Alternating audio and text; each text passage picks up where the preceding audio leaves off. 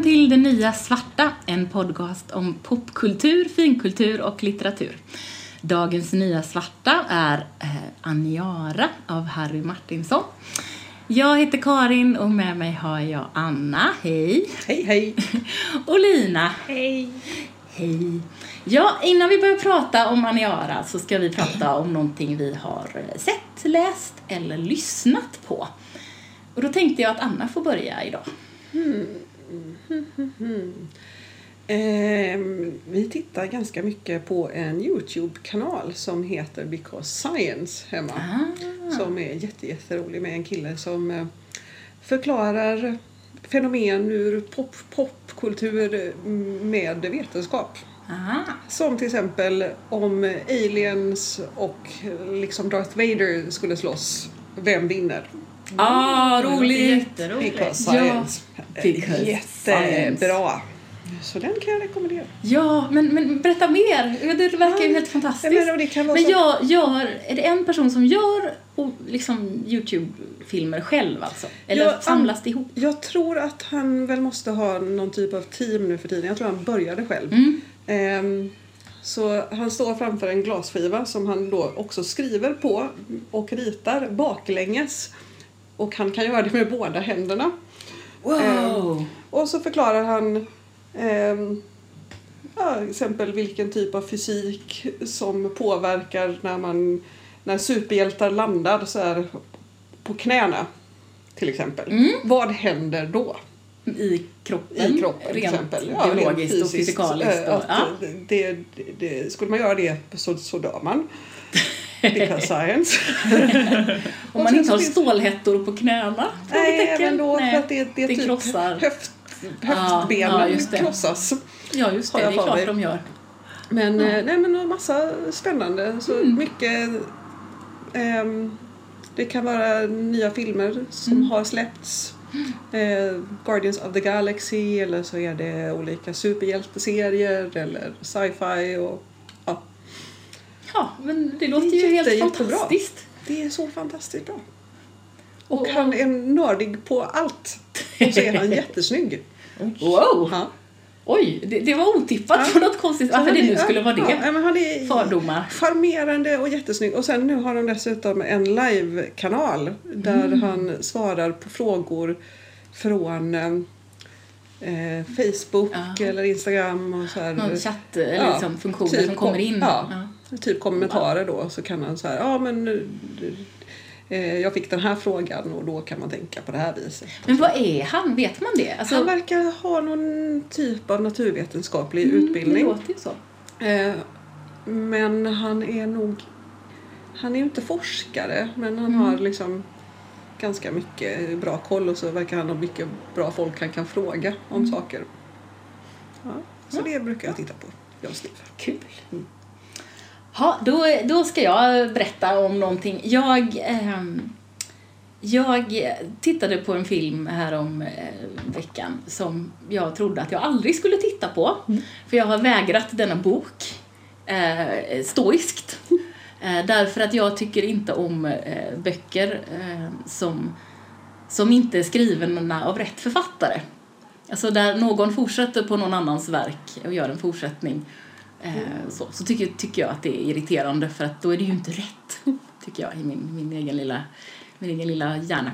Eh, men jag tittade på Pride and Prejudice and Zombies Oh. härom när det nu var. Och jag älskar ju Pride and Prejudice, både boken och eh, framförallt den klassiska BBC-filmatiseringen, tv-serialiseringen från 95. Men, eh, men det här, man kan ju inte läsa en bok som är skriven om, om Lizzie och Mr Darcy som inte är skriven av Jane Austen. Det går ju faktiskt inte. Eh, Så boken har jag fortfarande inte läst. Men filmen som jag satte på för att den fanns där och jag skulle vika tvätt. Det var ju jättekul! Ja, men jag vet. Har- Du har sett den Ja va? då, ja det är men, du har inte Nej, jag har sett inte Nej, för, för det, det är ju jättekul. Alltså det, är, det är en sån fantastisk kontrast mellan här går vi i våra Regency-klänningar och så plötsligt, ja, svärd, vapen, Stabby. stabby. Och så slåss de och så är de, de här systrarna Bennet är verkligen helt fenomenala på att slå ner zombisar. Ja. Och det är så underbart och jag blev så lycklig. Ja. eh, Och helt och och det bästa av allt var att jag satt där och vek tvätt och tittade på denna och var lycklig. Och så kom min man ner för trappan och hade nattat barn och sa Men, men Karin, du tittar på en zombiefilm. för det är väldigt okaraktäristiskt för mig. För just då när han kom ner så var det bara zombisar i bild. Och sen så såg han någon, någon i någon sån här fin liten klänning och så sa han Jaha! Men kombinationen, magisk. Ja. Helt enkelt magisk kombination och det gör mig att jag vill titta på, det gör det att jag vill läsa den här boken också faktiskt. Eh, som jag ju då egentligen inte tycker är helt okej, fast det tycker jag ju då uppenbarligen. Ja. Eh, och det, hon har ju skrivit mer, eh, någonting med varulvar eller vampyrer eller vad det nu är. Sense and sensibility and werewolves kanske, eller vampires, Ja, jag kommer inte ihåg. ja. Men, och jag undrar om det kanske inte också har eller ska bli en film. Och jag blev sådär bara, ja, det här är min nya genre! Det är klassiker i fina, fina eh, tidsenliga kläder som, som slåss. Det är, ju, det är ju helt det är ju helt sensationellt. Jag blev alldeles glad. Ja, så det, detta var, var min grej som jag har sett. Intressant, intressant. Ja, Lia. Ja, innan jag säger någonting så ska jag bara också förklara, för ifall det hörs lite konstiga ljud så sitter vi i mitt kök och vi har öppet fönstren ut mot gatan för att det är så himla varmt. Och ibland kör det förbi högljudda motorfordon här Ja. utanför. Inte skördetröskor, men mo- motorcyklar. Men det, det är pittoreskt, Ja. bestämmer vi. Ja. Så, så var det med det. Klara ljuden som ibland kanske hörs. Ja du, jag är ju inte liksom, jag har haft en ganska stressig tid så jag har inte riktigt, jag tycker knappt jag har sett någonting. Eh, särskilt eftersom det visas fotboll hela tiden på min TV. Men eh, något som är nytt i mitt liv är, jag har ju aldrig varit någon stor Instagram-användare precis. Men sen för några veckor sedan, det jag kanske också ska förklara, jag är just nu besatt av att odla. Det har jag varit hela våren. Jag har satt massor av fröer och jag har plantor överallt. Det är Eh, jättefint. Du har, du har den mest makalösa balkong, kan, Ja. vi, kan vi intyga, eller hur? Verkligen. Ja. Så jag har följt massor av såna här, eller nej massor, jag har, har följt några så här, ja men ni vet odlingsgrupper på Facebook och sånt. Men sen då för några, några veckor sedan så, vi, så sa min kollega till mig, Lina, jag har hittat det ultimata Instagramkontot för dig. Det heter Boys with Plants. Och det var ett helt fantastiskt konto med pojkar som visar upp sina blommor. Sen efter ett tag så kände jag att jag kan inte följa det här Instagramkontot därför att det var ganska många avklädda pojkar med blommor så det kändes lite konstigt när jag slog upp min telefon och fick liksom så här bara överkroppar. Men men då har jag börjat följa, jag tror att det är två engelsmän som eh, har då Instagramkonton med, den ena har rosa blommor, liksom, eller blommor med eh, rosa inslag i. Och den andra har en helt fantastisk så här gammal fabriksvåning måste det ju vara i England med så här takfönster och en djungel verkligen i, så, och så massvis av olika inlägg om hans blommor. Och jag har blivit inspirerad av det här och kommer att snart börja köpa sticklingar på Tradera. Tobi, stackars Tobias, min sambo. Men det är helt fantastiskt. Och dessutom så har jag också samtidigt börjat följa kattungekonton på. Instagram. Så att så fort jag blir stressad, vilket är hela tiden just nu, Mm. så går jag in på Instagram och så ser jag på blommor och kattungar och sen är livet bättre. Jag tycker Jag det låter helt fantastiskt. Ja. det låter som det bästa receptet för att må lite bättre och titta på. Jag tittar ju på hus istället. Och nu när vi snart ska flytta och eh, vi inte, liksom, det finns inte ens i, på kartan att vi ska köpa någonting utan vi ska flytta till en annan hyresrätt så är det väldigt avkopplande att titta på hus.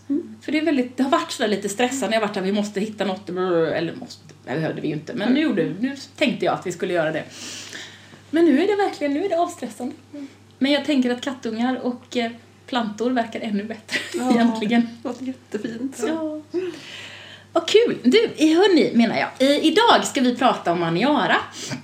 Eh, som ju är eh, ett, en, ett episk diktverk av Harry Martinson. Som kom ut 1956. Första halvan kom ut i en annan samling redan 1953. Eh, Aniara utspelar sig i någon slags dystopisk framtid där jordens befolkning evakueras till Mars och till Venus. av enorma rymdskepp som kallas för goldondrar. Jag är inte riktigt säker på pluralformen där. Goldonders kan det vara eventuellt också. Eh, och den här goldonden Aniara eh, måste väja för en asteroid och kommer ur kurs. Och eh, de tappar styrförmågan, Skepp- skeppet tappar styrförmågan. Så de är bara på, för evigt på väg ut i intigheten och kan inte göra något åt det. Eh, och 8000 människor är då fast på Aniara, eh, ute i rymden. Den eh, eh, blev en opera redan 1959. Det har gjorts teater, musikteater, monolog, musikal.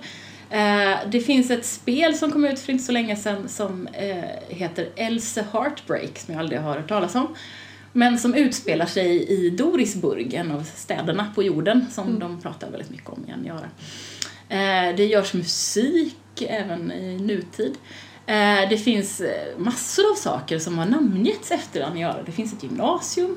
Jag gick in på deras hemsida och försökte förstå liksom varför. För jag tänker, okej, ett stort rymdskepp på kurs mot ingenting och dömt att misslyckas. Är det här ett bra namn på en gymnasieskola? tänkte jag. Men eh, det stod ingenting alls. Det bara hette det. Ehm, ja. Och det finns bokhandel, en bokhandel och det finns gruppboenden och torg och allt möjligt som heter Aniara. Det finns också, eller det kommer spelas in nu, en svensk film. Som kommer att komma i september eh, i år, om jag har fattat det rätt. Jaha. Eller om mina internetgooglingar har kommit rätt. Vilket ju är jätteskojigt. Jag hade inte hört talas om det förrän jag började googla lite och kolla. Men eh, det är ju spännande att se hur den, eh, hur den blir. Det gjordes ju en, eh, för 18 år sedan då, 2000 tror jag det var, så gjordes det en, eh, en eh, musikteater med Helene Sjöholm och Dan Ekborg och lite folk som jag lyssnade lite på Spotify på, lite musik därifrån. Mm, det var ganska fint så. Ehm, men så är det och det är ju faktiskt jag som har valt det här eh, verket så jag får väl börja prata om varför, varför gjorde jag det Ja. egentligen. Anna undrar. Ja. Anna, Anna, Anna undrar. Ehm, jo, jag läste den här första gången när jag var tonåring, ganska tidigt i tonåren tror jag. Det var min mamma som stack den i händerna på mig. Det måste varit ja, 13, 14 kanske, något sånt, 13.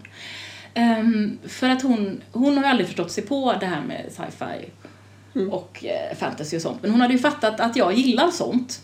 Och då sa hon, det, det här är något som jag tror du kommer gilla för det är eh, liksom en klassiker men det är ändå, eh, hon sa nog inte sci-fi, hon sa nog något mycket mer jag förstår mig inte på det här Det handlar om ordet. rymden. Det handlar om rymden, ja men precis, antagligen. Men, eh, och jag tänkte, jaha, tänkte jag. Och det är en av, faktiskt en av mina stora läsupplevelser när jag liksom kopplade ihop det här att det här kan vara det kan vara sådär klassiker och man tänker ju när man är 13 så tänker man att klassiker kanske kanske inte alltid är det mest spännande, även om jag var en ganska pretentiös 13-åring. Mycket mer pretentiös än vad jag är nu. Men, men, men alltså, klassiker är ju ändå lite motigt och sådär. Och så tyckte jag bara att det var otroligt lätt att läsa och att följa den här eh, liksom, episka rymdsaga som det ju faktiskt är. Eh, och att jag valde den för detta var för att jag tänkte att det, det är kul att ha lite variation eh, på det vi väljer. Och också för att eh, jag har inte läst om den förrän nu, sen dess. Eh, och jag är ändå en människa som ofta läser om böcker. Ja. Men den här har jag inte läst om och jag har, det finns några böcker som jag liksom inte läser om och jag har olika typer av motstånd och det är lite, alltid lite svårt att veta varför. Jag vet inte riktigt varför. Men jag tror att kanske att det var en sån himla stark upplevelse då. Så att jag liksom inte, ehm, ja, ville liksom inte göra något med den. Förrän nu när jag har läst den igen då.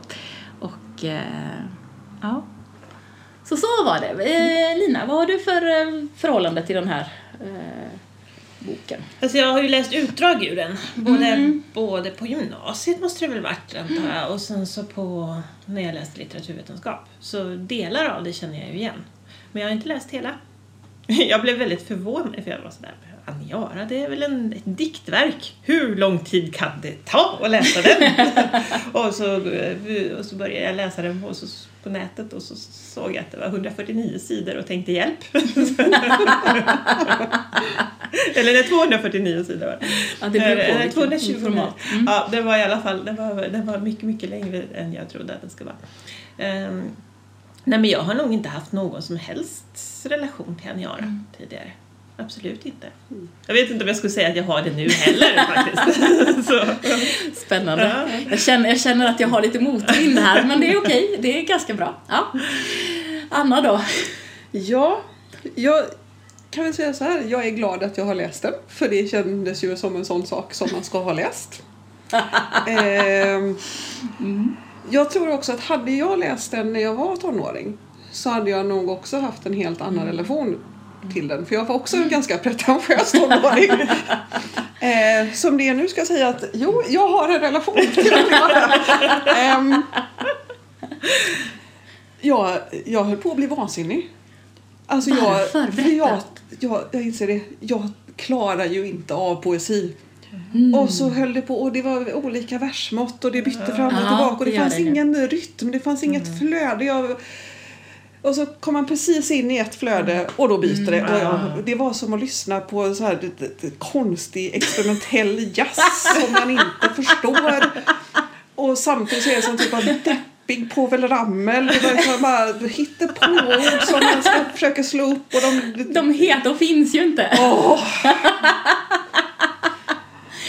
Åh, vad härligt. jag, jag vi tycker så olika. arg. Ja, jo, men jag, Men jag jag, tog mig igenom den. Nu har jag läst den. Nu kan du säga. Nu kan jag Nu ha har vi en åsikt. dokumenterat att du har läst den och du har en åsikt. Nej men jag, jag eh, kan förstå det. Och jag måste säga att jag blev också mycket, den här läsningen, jag har inte sagt så mycket om den här läsningen än, men alltså min omläsning. Men den här läsningen blev jag också väldigt distraherad av det här skiftande versmåttet. Speciellt när det plötsligt började rimma. För det tog väldigt lång tid innan det började rimma. Och jag tycker att det är ganska skönt när det inte rimmar för då kan man bara flöda runt. Men när det började rimma så satt jag där och läste och tänkte nej men det här, nu får ni ge er. Eller hur? Så tänkte jag. Harry, Harry får ge, nu får du ge dig. Sluta hitta på ord för att inget annat rimmade. Ja, fast orden tycker jag är underbara. Fotofagen. Ja! Nej men vad fan. Jo! Det är bara för att han skulle hitta något som rimmade med dagen. Och magen, eller något. Ja, men jätte, det, det däremot, det älskar jag. Eh, ord, den här lek, ordlekfullheten, att han hittar på massa egna ord. Ja men det kan eh, man få göra. Men inte så pretentiösa fulrimsord. Men hur är det? För att, alltså, Ja. jag, jag, jag har, måste ju erkänna att jag läser den här ganska snabbt och ganska slarvigt och dessutom på min mobil. Och jag visste aldrig riktigt om jag, när jag tryckte på framåt på tangenten på pilen om det var så att jag hade hoppat bara en sida eller två sidor eftersom det var väldigt, eh, ja eftersom det inte bara byter liksom, eh, det är ju inte bara person som det handlar om som det byter utan det är också det att den, den ändrar sig i versmått och allting sånt där. Eh, Men är det, är det så att de olika berättelserna har olika versmått eller är det så att han ändrar mitt i? Har ni fått någon slags uppfattning om Jag detta? uppfattar det som, utan att ha gjort någon, alls någon analys av versmåtten, för det orkar man ju inte. Eh, det hade jag kanske gjort när jag var tonåring, jag vet inte. Jag hade lite pretentiöst, det här är samma eh, upplaga som Åh, jag läste då. det är. Det är mina föräldrar så jag tror jag snodde den när jag flyttade hemifrån. Eh, men jag hade lite pretentiösa anteckningar i marginalen som jag skrattade jättemycket åt. Ehm, ja, men i alla fall. Eh, nej, jag vet inte. Men jag, jag, min upplevelse är att det är liksom ett, en, för det, det är liksom, det kallas för sånger. Det är ju lite sådär episkt grekiskt. Att det är olika sånger eh, och de är numrerade. Och att det är samma versmått inom sångerna. Men jag är inte helt säker på detta. Men, eh, men jag höll på att bli tokig när det började rimma. För det hade inte gjort det nästan alls. Och sen Nej. plötsligt började det rimma. Och jag tänkte, men nej, nu, nej. Eh, Men, men däremot det här med orden, jag älskar orden. Jag älskar att han hittar på. Jag älskar det här vansinniga, den här vansinniga versen som handlar om eh, Daisy Doody som dansar jurg i Dorisburg Ja. och, och pratar slang som hette något särskilt. Och jag tycker det är helt underbart att han bara hittar på. Anna, liksom- Anna grimaserar och smärtar Ja. när Karin säger de här orden. Ja, och jag, men jag tycker det, det, och goldonder som jag tycker är ett sånt vackert ord. Goldonder. Så det låter sådär episkt, Anna bara nej. Men, men så här, jag tänker det finns ju eh, väldigt mycket både sci-fi och fantasy som hittar på egna ord. Ja, Brukar du irritera jag dig har på detta? ingenting emot att hitta på egna ord. Det var mest det här att det kändes som att det var... För det första, igen, jag, jag klarar ju inte av... Jag alltså poesi som försöker berätta en historia. Så här, antingen vackra ord eller en historia, tack så hemskt mycket. För jag fick bara huvudvärk. Alltså jag satt vissa dag, dagar och försökte läsa den här och bara men vad fan står det och vad, vad är det de vill? Vad vill han mig? Låt mig vara, jag vill läsa min riktiga sci-fi. Och så fanns det några korta där man sa okej okay, det här är, är, det här skulle jag kunna läsa typ ja men så, så, så, så som ren poesi. Mm. Men sen så vet jag, ja fast snart måste jag byta sida och så kommer det vara något annat fanskap. så jag får inte ens njuta av det.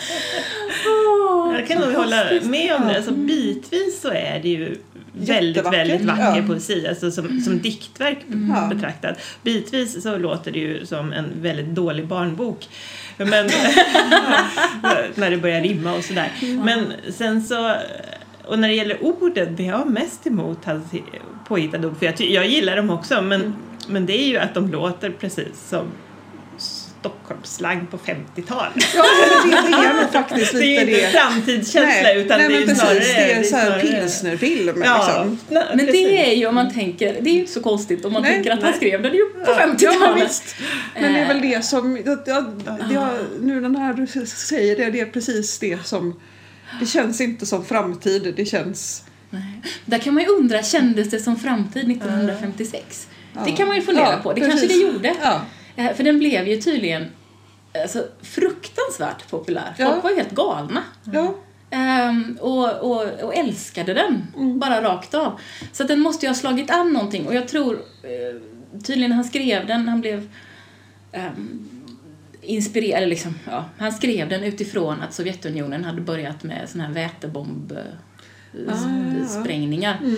Så att det var ju mitt under kalla kriget, det var ju liksom efter andra världskriget, det var det var en väldigt tung värld ja. som de levde i då. Mm. Det gör vi nu också för den delen, men på ett annat sätt kanske.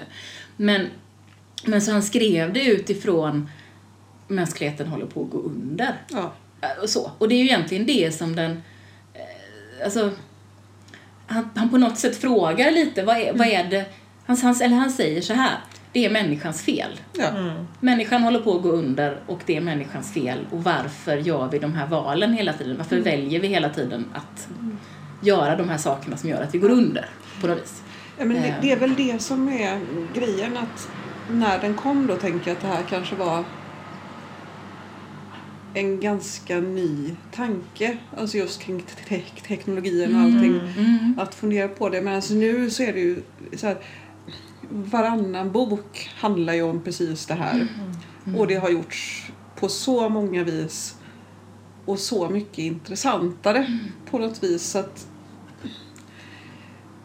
om man läser den här efter att ha läst jättemycket dystopier mm, mm. och så sci-fi så mm.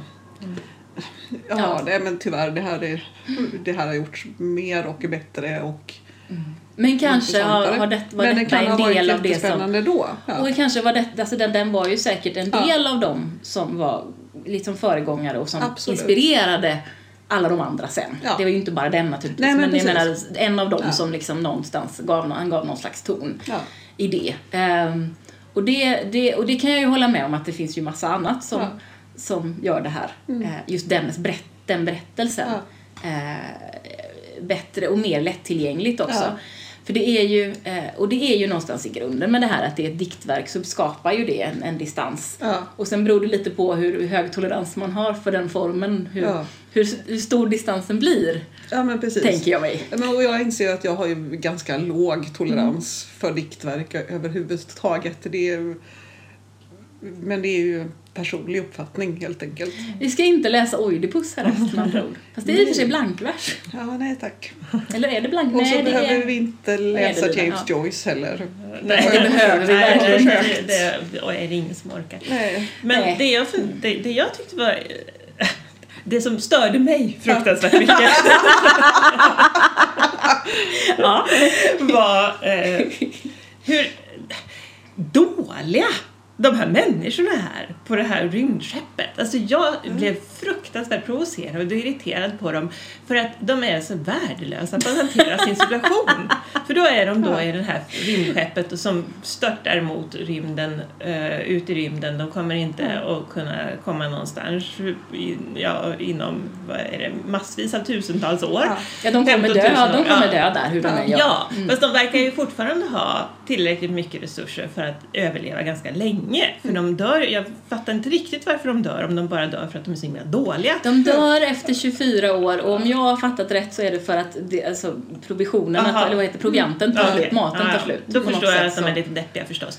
Men, andra men de gör ju inget vettigt. trädgårdar. De Ja. hade ju kunnat börja odla saker. Ja, men de har precis. 24 år på Fast sig. jag, Ja. tror, fast jag tror att det är det som är hela grejen, det är det som allting Mm. handlar om. Att människan förstör. Ja. Och man hamnar på Aniara och man har Aniaras resurser Mm. som är trädgårdar och vad man nu än har. Och djur också tror jag. Mm. Eh, och så förstör man dem också. Ja. Och så blir man bara små jordhö- jordhögar som åker runt i ett rymdskepp i all oändlighet. Jo, jag förstår ju symboliken. Men jag, ja, precis.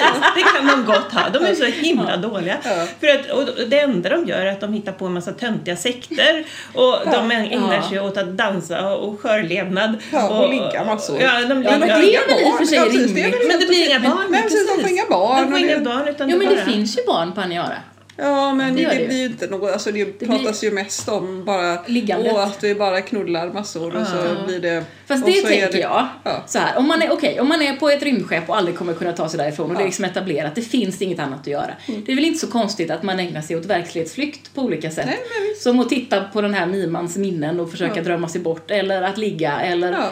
Att hitta på roliga sekter och styra varandra och maktspel. Alltså, Mm. Det är väl inte så konstigt tänker jag för de har ju inget vettigt att göra. Fast de, de har ju men ett samhälle. De är ju de hur många som helst. ha De har ett samhälle. 8000. Ja, precis. Ja. De hade Ja, kunnat men upp ett 8000 samhälle. skulle man Visst. faktiskt kunna, de skulle kunna få en fungerande Ja. ett fungerande samhälle. Men det är klart att Men det gör de han, inte. Nej men och hela hans, alltså någonstans blir det ju, det är väl kanske det som är grejen som vi irriterar oss på.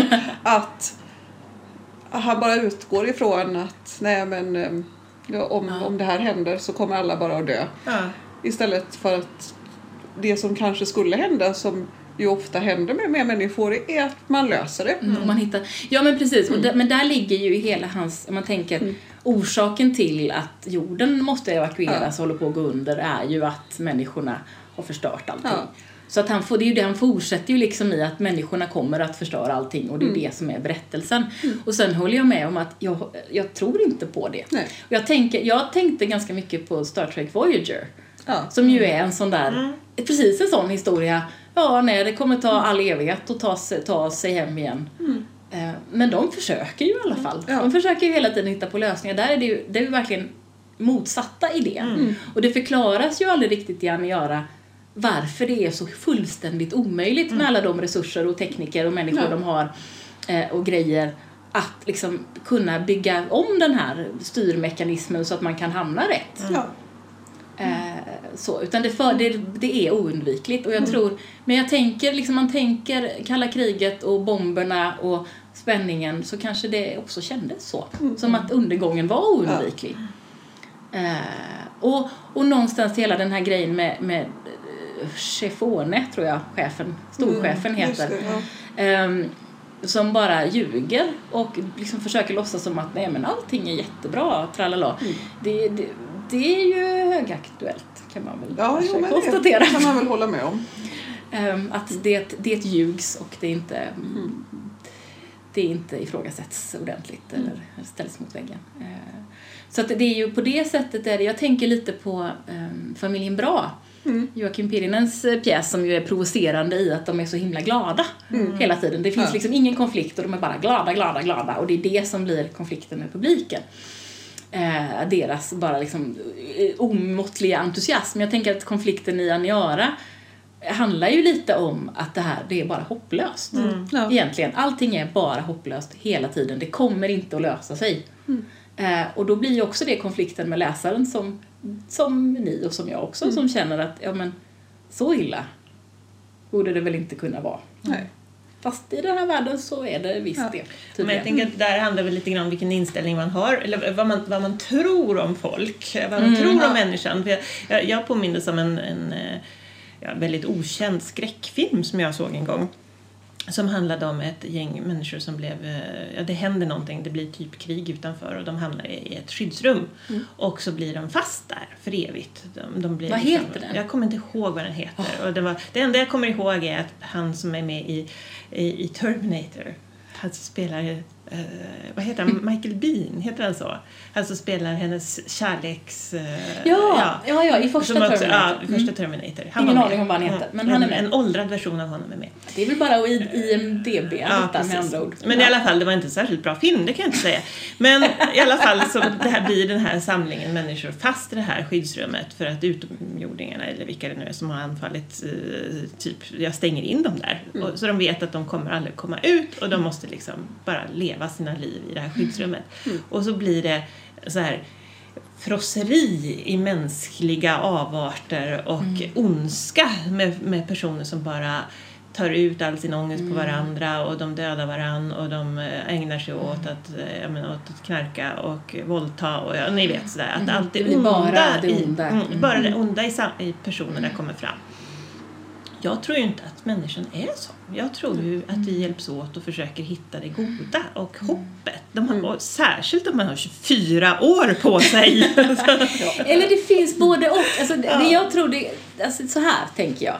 Att det finns inte bara det onda. Nej. Det kan inte vara så Nej. att allting bara är ont och destruktivt och alla bara Mm. hamnar i den här destruktiva spiralen och nej, det är hopplöst och det finns ändå ingen idé. Och, utan det måste ju också någonstans spira någonting annat. Annars hade väl inte mänskligheten överlevt så här Mm. Nej, länge? Eller hur? Eller hur? Vi hade inte kommit speciellt långt. Nej. Så nu har vi, nu har vi förnekat hela Aniaras grundpremiss. Men jag tror lite kanske att om man nu ska tänka budskapsmässigt att det kanske är där. Mm. Att det är en provokation också. Ja. Och en varning. Lite. Ja. Att om man for- fortsätter vi så här och bara skiter i att ta hand om oss själva och jorden och världen och alla andra människor så blir det så här. Mm. Ehm, och det är, väl, ja, det är väl en bra varning så sett. Den, den, du, den duger den. Ja, ja visst. Nej, men det är som sagt, hade jag inte haft en så stark aversion mot eh, poesi så kanske det hade gått bättre det här. Jag kanske tvingar oss alla att se eh, Aniara-filmen när den kommer så Ja, får vi se hur den är. Ja, det Ja, det är ju ganska intressant. Ja. Det, alltså, det kommer ju vara intressant hur, hur, hur, hur ehm, Hur de? anpassar man Aniara som ju faktiskt är skriven innan, ja, men, men innan datorerna eh, och ja, men, allting sånt. Hur, hur anpassar man det till, till vår, vårt samhälle, vår tid? Eller, ja, eller hur anpassar man den där dystopiska framtiden till det vi nu tänker som en dystopisk framtid? Eller samtid, eller hur man nu vill. Jag, Ja, vet, men- jag har ingen aning eh, om detta. Ja, för grundförutsättningen är ju ganska lik fortfarande. Att det är ju en värld som vi har förstört. Ja. Ja, som vi vi måste- fortsätter som vi att förstöra. ja, Och vi fortsätter att förstöra. fortsätter att, på alla möjliga sätt, fortsätter att förstöra. Ehm, och takten som vi förstör i liksom, hindras inte av våra åtgärder. Nej. Utan det, liksom, det är fortfarande i fel eh, och kanske antagligen ännu mer skulle jag säga än på 50-talet. Vilket ju... Deppigt. ja, eh, Ja. Jaha, nu blev det deppigt. ja. Ja, någonstans. Men jag tänker att eh, jag skulle vilja prata lite om den här konstiga miman. Mm. Som ju... I början så tänkte jag, okej, det är en dator, tänkte jag. Det är en dator som är någon slags, ja, okej, som visar bilder och sinnesintryck och liksom hela... Kan på något sätt återupprepa minnen och historia. Men sen inser man ju efter ett tag att det är ju, om det är en dator så är det ju i alla fall en AI-dator. Ja, men det För- står väl till och med att de lär sig hon, själv. Liksom. Hon har ju skapat halva sig själv på Ja. något sätt. Och samtidigt så blir ju hon, för det är en väldigt tydligt hon, ehm, en, eh, en gudinna i dessa konstiga sekter och tillbes. Och där funderar jag på, eh, alltså, den här som jag tror inte är så mycket en diskussion längre, men som ju var väldigt länge en diskussion, och jag tror på 50-talet också, om, om först radion och sen TVns roll i hemmen som någon slags altare som man tillbad. Eh, nu ser ju det ut på ett annat sätt. Nu har vi ju var och en vårt eget lilla vårt eget lilla altare, eller vad man nu ska säga, eller vårt eget lilla grej som vi håller i och tittar på Ja. eller grejar med. Eh, Men det blev ju en sån eh, diskussion väldigt tydligt. Eh, och det fördes liksom en sån diskussion. Så där funderade jag på om Miman liksom i sin hypnotiska visar, visar bilder, visar sinnesuttryck, vis, visar dofter och ljud och allt möjligt var någon slags tv-allegori. Det är väl inte helt omöjligt. Alltså det, det är fortfarande en sån här ganska klassisk så fort det ska komma illustratörer och, och, och, och göra vass satir Mm. så är det ju alltid åtminstone en bild med mobil och eller tv Mm. eller liksom och så, så på det viset så är den här i alla fall lite fräsch eftersom det var 50 Det var på år sedan, 56, sex- ja sex- precis. 60 år sedan. Mm. Liksom. Precis. Eh, nu för tiden känns det väl lite, Gjort. jo, lite gjort. Lite gjort. Men, ehm, men just om det här med AI. Mm. Jag läser mycket i en, um, en Banks Mm. just nu. eh, hans Culture eh, em, är, är, är, Serie. är serie. Precis. Och där är det ju AI som kallas Minds. Mm. Och jag fick en ganska stark Mm. känsla av att Miman var en sån. Ja, något just det. Att, Det eh, kanske till och med finns en inspiration där, men vet. Ja, Eller en gemensam inspiration, Ja. så kan det ju också vara. Men just den typen av, av AI som är en helt egen person. Men det är också massa hokus pokus. Alltså det här, Ja, det här stör ju mig jättemycket. Att den här den kvinnliga piloten Ja. på något sätt plockar upp bitar. Och han också som berättar blir ju någon slags mimans profet och Mm. grejer. Alltså det är väldigt mycket så här liksom att de kan bli besjälade av det här. eh, ja, den här Men det är, ja, men det är ju också, alltså miman eh, ta, begår ju självmord också. Ja, precis. För att hon orkar inte med och då blir ju hon väldigt mycket en, eh, alltså en, en, en inte bara en AI utan faktiskt en, Ja. en karaktär som Ja. fattar någon slags beslut om sin egen... Mm. Eh, och då tänker jag, har ni sett de här ehm, om hubbottarna, vad de nu heter? Eh, Äkta människor heter den på svenska och på engelska Nej, heter den Humans. ja. Och jag har sett eh, båda. Mm. Ehm, den kom på svenska först. Mm. Ehm, men den brittiska versionen har fler säsonger tror jag. Om jag inte är helt ute och cyklar. Eh, men de är ju liksom AI, Mm. eh, AI-robotar men sen så är det några som ju blir, som kan tänka själva, som får en egen, Mm. eh, eller tänka, tänka oberoende av sin programmering så att säga. Eh, och där, alltså den sortens skillnad där det ju liksom finns Ja men det är ju det jag Det ju- tänker mig ja. att, att det är en person Precis, och där de kämpar person, för att som är få rättigheter som, som medvetna varelser på något Ja. sätt och då blir ju Miman också en sån. ja, Ehm, och det här mumbo jumbot, alltså jag, jag har ju ofta väldigt svårt för mumbo jumbo. Här så tänker jag att ja men de, de har inget att göra de här människorna som bara håller på liksom och cirkulerar ner i intigheten så de bara hittar på en massa trösttrams. mm. Eh, Så, tänker jag. Mm. Ehm, ja. Och sen så jag kände väl också lite grann att det kanske var helt enkelt Harry Martinsson som bara så här, hitta på grejer. Vilket ju såklart alla författare gör. Men, men, men ganska många eh, ganska många essäförfattare idag har ju också ofta en ganska tydlig bakgrund där de förstår fysiken eller åtminstone har försökt att, att liksom sätta sig in i de mekanismer som finns bakom. Mm. Medan det känns som här är lite mer, ja men tänk om en TV kunde tänka. Fast jag tror faktiskt där, eh, förlåt. Lina du ska få säga något. Ja, men du kan få svara på Anna för jag hade en helt annan ja, nej men för att jag, jag, jag lä- läste ju på lite om Harry Martinsson och han, han var tydligen otroligt intresserad av naturvetenskap och han eh, eh, hade något, eh, vad heter det, heter det tele, teleskop? Nej vad heter det när man tittar ut i rymden? Är det ett teleskop? Ja. Jag tänkte periskop och så blev det fel i mitt huvud. Men, eh, som han, och han var väldigt intresserad och han skrev den utifrån sin egen kunskap som ju tydligen enligt Wikipedia i alla fall var stor. I don't know. Men eh, så, så det var nog inte så hittepåigt riktigt som det kändes för dig. Men sen om det var korrekt, det vet jag inte Nej. alls. Fast jag måste ju säga att för, för i, ja, men när vi pratade om Tre män i en båt så, sa, så var det någon som sa att det hade behövts en redaktör. Är det någon som hade behövt en redaktör så är det Harry Martinsson. Han, den här boken är minst tre gånger för lång. tre gånger så lång som den borde, borde ha behövt vara. Mm, Han hade en bra idé Men var kanske lite för förtjust i sin egen röst, skulle Mm. jag säga. Mm. Kill your darlings. Ja, så kan man tänka. Men det är väl också det här, om vi då ska prata om irriterande karaktärer, Ja. som går tillbaka Som till kan finnas. scennivå, så är det ju så är ju alla karaktärer i den här också jätteirriterande. Eh, ja, det är de ju. De är ju Mm. väldigt... Eh, Fast här Ja. är de kanske mer, alltså egentligen så förstår jag så tror jag mig förstå att det de ska vara är väl motsvarande grekiska masker. Ja. Att de är sin tydliga det, är arketyp. väldigt, det är väldigt mycket liksom, Ja. referenser till klassiskt Ja. grekiskt drama och sådär. Eh, och absolut så tror jag att de ska vara varsin arketyp Mm. och varsin ehm, representera i princip varsin känsla. Ja.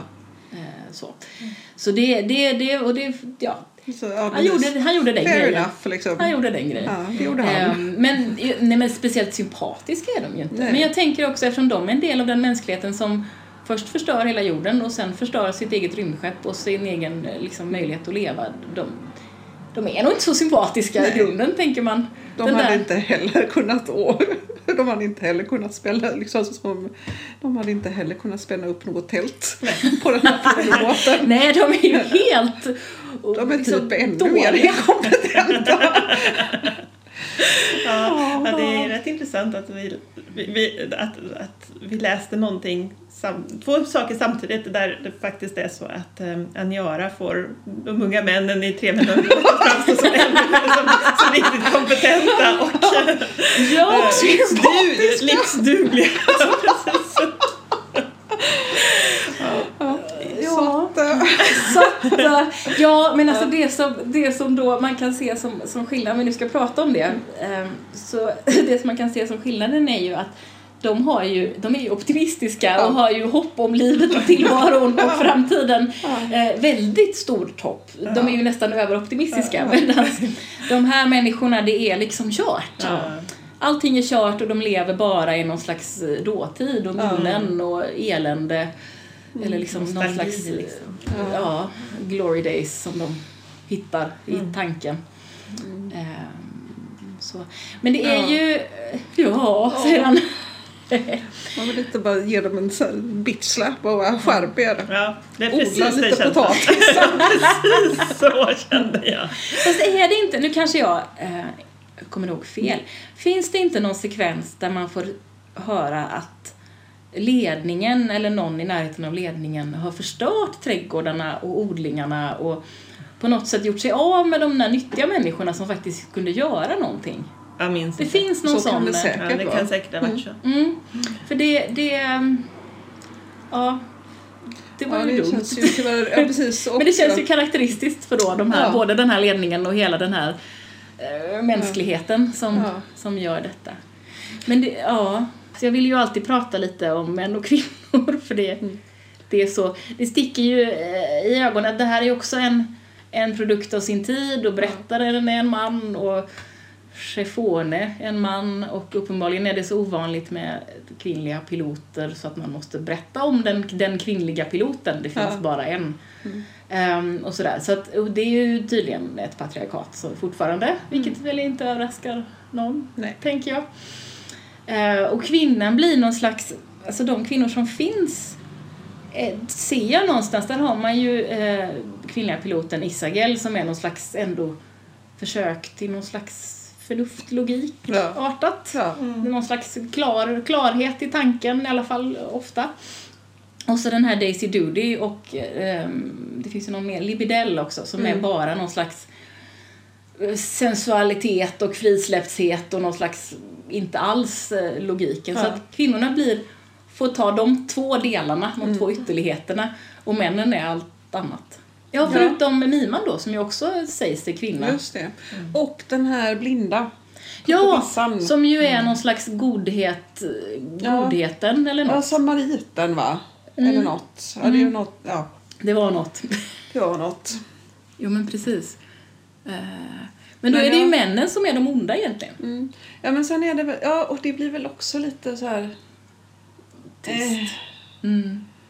ehm, Men, eh, ja, men det, det är väl det här klassiska lite platta kvinnoporträttet. Ja, men precis. Och det, och ja, det finns ju ändå en hel del kvinnor, men de har inte så jättemycket...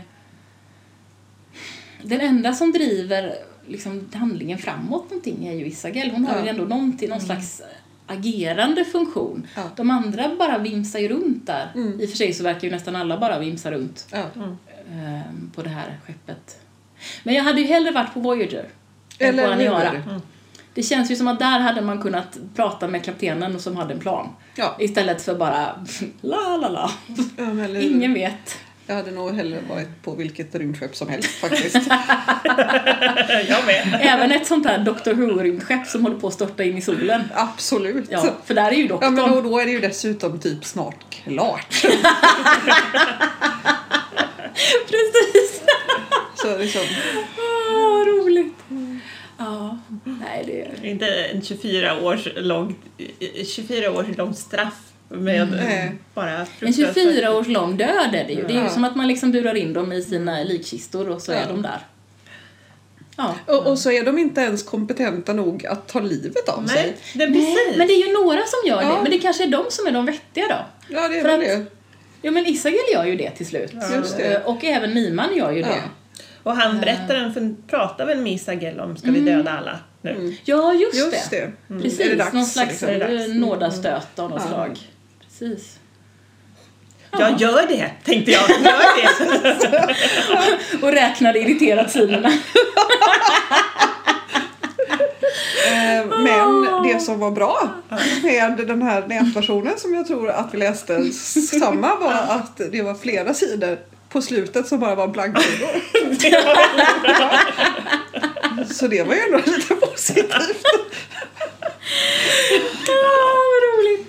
Nej, Nej, men men vi, jag, jag, är glad, jag är glad att jag har läst den. ja. Ja, nu kan du skryta om det. Ja, precis. Eh, Om att du har åsikter om den. Ja. Nu tänker jag eh, eh, utmana er att säga något som ni faktiskt gillade. Någonting. Ja. Vad gillade du, Anna? Nu ska vi se. Jag har för mig att det var en ganska långt kapitel där den här blinda kvinnan, om hon då var, berättar om tiden på Mars. Mm, just det.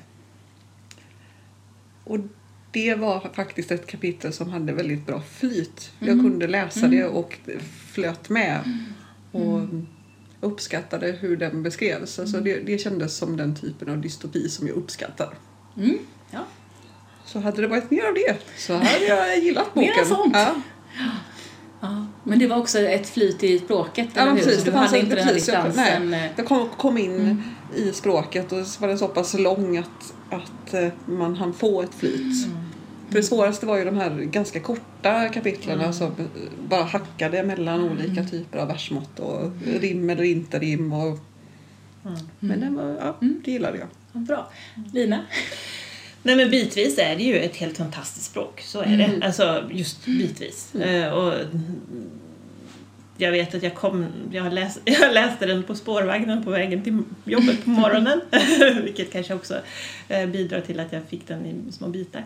Men eh, det var no, någon morgon när jag kom liksom helt upprymd till jobbet för att jag hade läst det här fantastiskt vackra språket med en rytm som var eh, ja, men, som var ju rent otroligt fint. Så, så, så ja, nej, men bitvis är det ju stor poesi. Precis. Mm. Och då ska jag prata om något som jag inte gillar då, för Ja. jag, har ju, jag, har, ju- jag har ju hållit med er om en hel del saker. Men jag... Eh, ehm, alltså det var väldigt intressant att läsa om den, för det var en så otroligt stark läsupplevelse eh, då, för jättelänge sedan. Och nu blev ju jag också irriterad, och, liksom, eller frustrerad. Både för att de inte gjorde något och för att det höll på för länge. Så att jag, jag höll faktiskt också på att räkna sidorna där. Framförallt i andra halvan. Första halvan bara sög jag mig igenom och, var liksom, och var inne i och bara såhär, åh, oh, okej. Men sen ju mer det blev det här att, att ju mer de gav upp Ja. och Miman begick självmord och allting var bara hemskt, då var det väldigt motigt tyckte Ja. jag att läsa. Eh, och då räddade jag mig inte helt och hållet genom det vackra språket utan det var liksom... Ja. Så att, eh, ja. Något annat ni vill tillägga innan vi avslutar detta, denna diskussion om Maniara? Nej, jag känner att jag fick, fick, fick ur mig jag är också väldigt nöjd. Ja, okej. Goldondern eh, dundrar vidare in i intigheten och eh, vi avslutar eh, det här avsnittet. Så tack för att ni har lyssnat på Det Nya Svarta. Om du vill veta mer eller kommentera det vi har pratat om hittar du oss på Facebook. Sök efter Det Nya Svarta. På Instagram, det nya svarta understreck podd. Eller mejla till nyasvarta gmail.com. Alltså nyasvarta i ett ord at gmail.com. Hej puss ses!